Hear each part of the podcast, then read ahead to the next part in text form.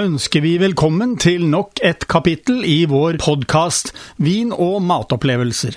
Som vi har gjort tidligere, vil vi tilby deg gode tips om mat og vin, ikke minst nyheter etter hvert som de kommer på Vinmonopolet. I tillegg til det vil vi ta spesielt for oss kombinasjoner av mat og drikke. Vær så god, det er servert. Ja, Jan Egil, nå sitter vi her og smaker oss igjennom noen viner som nå nettopp har kommet på polet. Og de vi har tatt for oss, det er rødviner, og det er ikke tilfeldig. For eh, vi ser jo for oss nå at eh, folk er en del ute i skogen og plukker sopp og bær og skyter i hytt og gevær, som det heter. Det er viltjakt eh, om kort tid og full fart ute i skogen. Så eh, rødvin burde vel passe bra da. Det er naturlig å tenke rødvin nå utover litt sånn kjølige høstdager. Det er, det er ingenting, ingen vei tilbake. Sommeren er, har vi lagt bak oss, det høsten kommer. Og noe av det fine med høsten er jo nettopp det du pekte på nå, alt som man kan høste fra norsk natur. Og jeg tenker eh, vilt og eh, kjøtt er jo en del av det, men du har jo også alt ifra sopp til bær også, som det bugner av nå rundt om i norsk natur. Der vi setter enormt soppår, f.eks. Um, og det fins jo da, for de som er usikre, soppkontroller diverse steder rundt om i landet, så man kan sjekke ut det man uh, plukker. Så det er en liten sånn oppfordring til å være forsiktig for de som ikke er altfor godt kjent med de forskjellige soppene. Men sopp er jo soppstuing, sopp og fløte, sopp og pepper, sopp og smør. Det er jo høstens smaker på mange måter, og kan brukes nå i pastaretter, i, i risotto og som tilbehør til kjøttretter.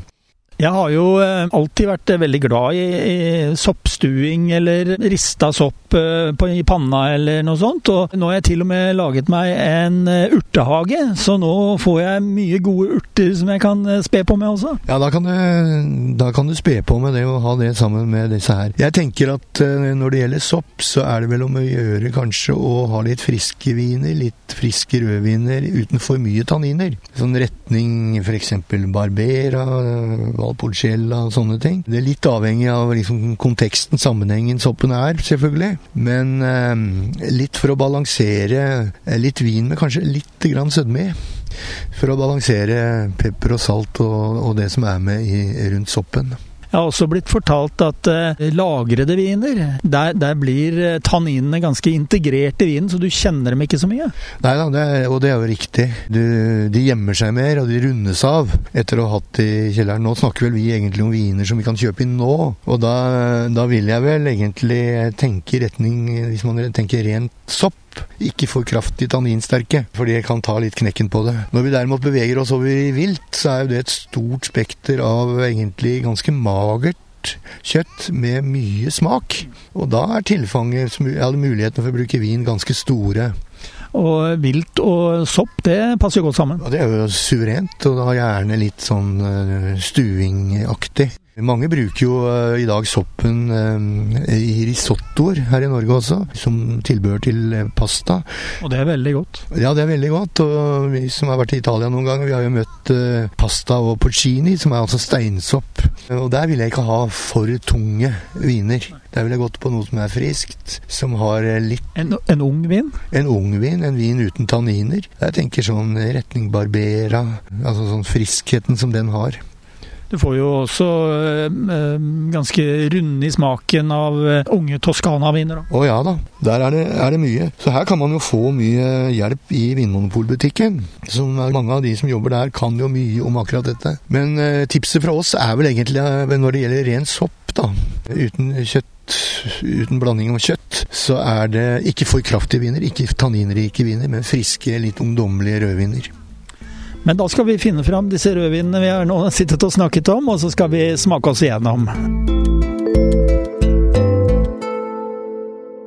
Ja, nå har vi funnet fram til fire forskjellige viner som nå kommer på Vinmonopolet. Den ene, det er en Og Ja, der vi kanskje begynner, det er en eh, bag-in-box. Porais eh, fra Dorodalen. Tørr rødvin. Den er i basisutvalget. Den er på 13% alkoholinnhold og koster da 450 kroner. Hvordan opplevde du den?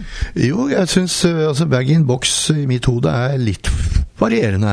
Den har ikke dette saftpreget, den har litt intens varme i seg. Den har litt sånn mørke bær, som kjennetegner gode portugisiske viner. Så den har litt, litt kropp for å bruke det uttrykket. Litt tyngde, som gjør at den kan takle ganske mange forskjellige f.eks. For kjøttretter. Jeg vil tro at hjort, rådyr, den type ting som kommer fra skogen, Eh, vi kan vel nevne at det er få rødviner som kommer fra Dorodalen. Det er jo der oppover der de lager portvin, eller i hvert fall rå, råmateriale. Men uh, her snakker vi om en ren uh, rødvin fra Dorudalen, og det er ikke mye av det på polet. Nei, det er jo ganske begrensa utvalg av det. Så, og jeg vet ikke om det fins andre derfra i bag-in-box-format i Norge. Så det er jo litt sjelden uh, vare, dette her.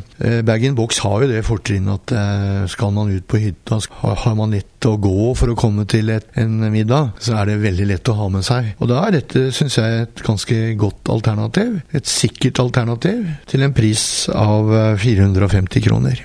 De sier eh, her at det er ikke eh, den vinen du trekker fram til viltmiddagen din, men en god lammestek kan passe til. Det kan det.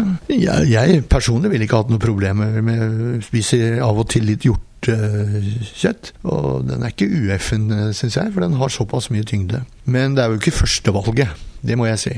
Men den er laget da på tre eh, typisk eh, portugisiske eh, druer. Toriga Nacional, Toriga Franca og Susao.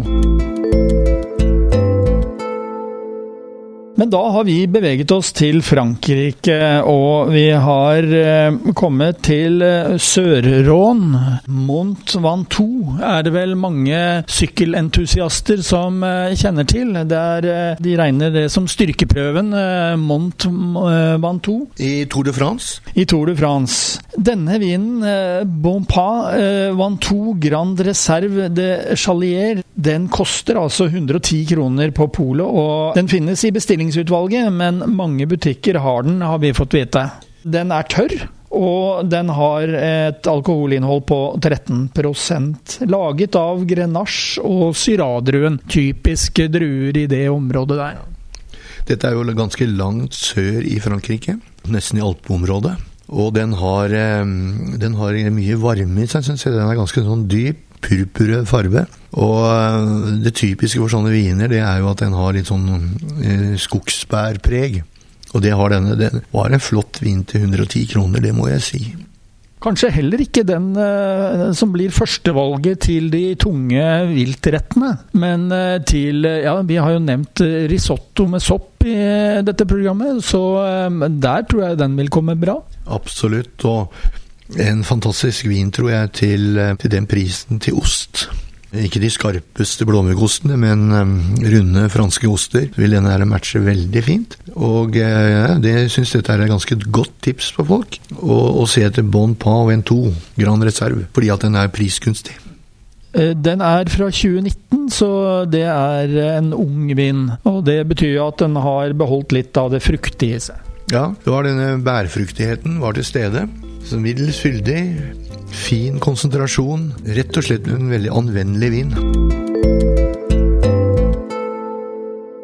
Da gjør vi et uh, ganske stort sprang over dammen, som det heter. Det er uh, til Argentina. Og uh, vinprodusenten Weinert, som da presenteres nå med en Malbec. Og den er fra 2010. Det er en 100% Malbec.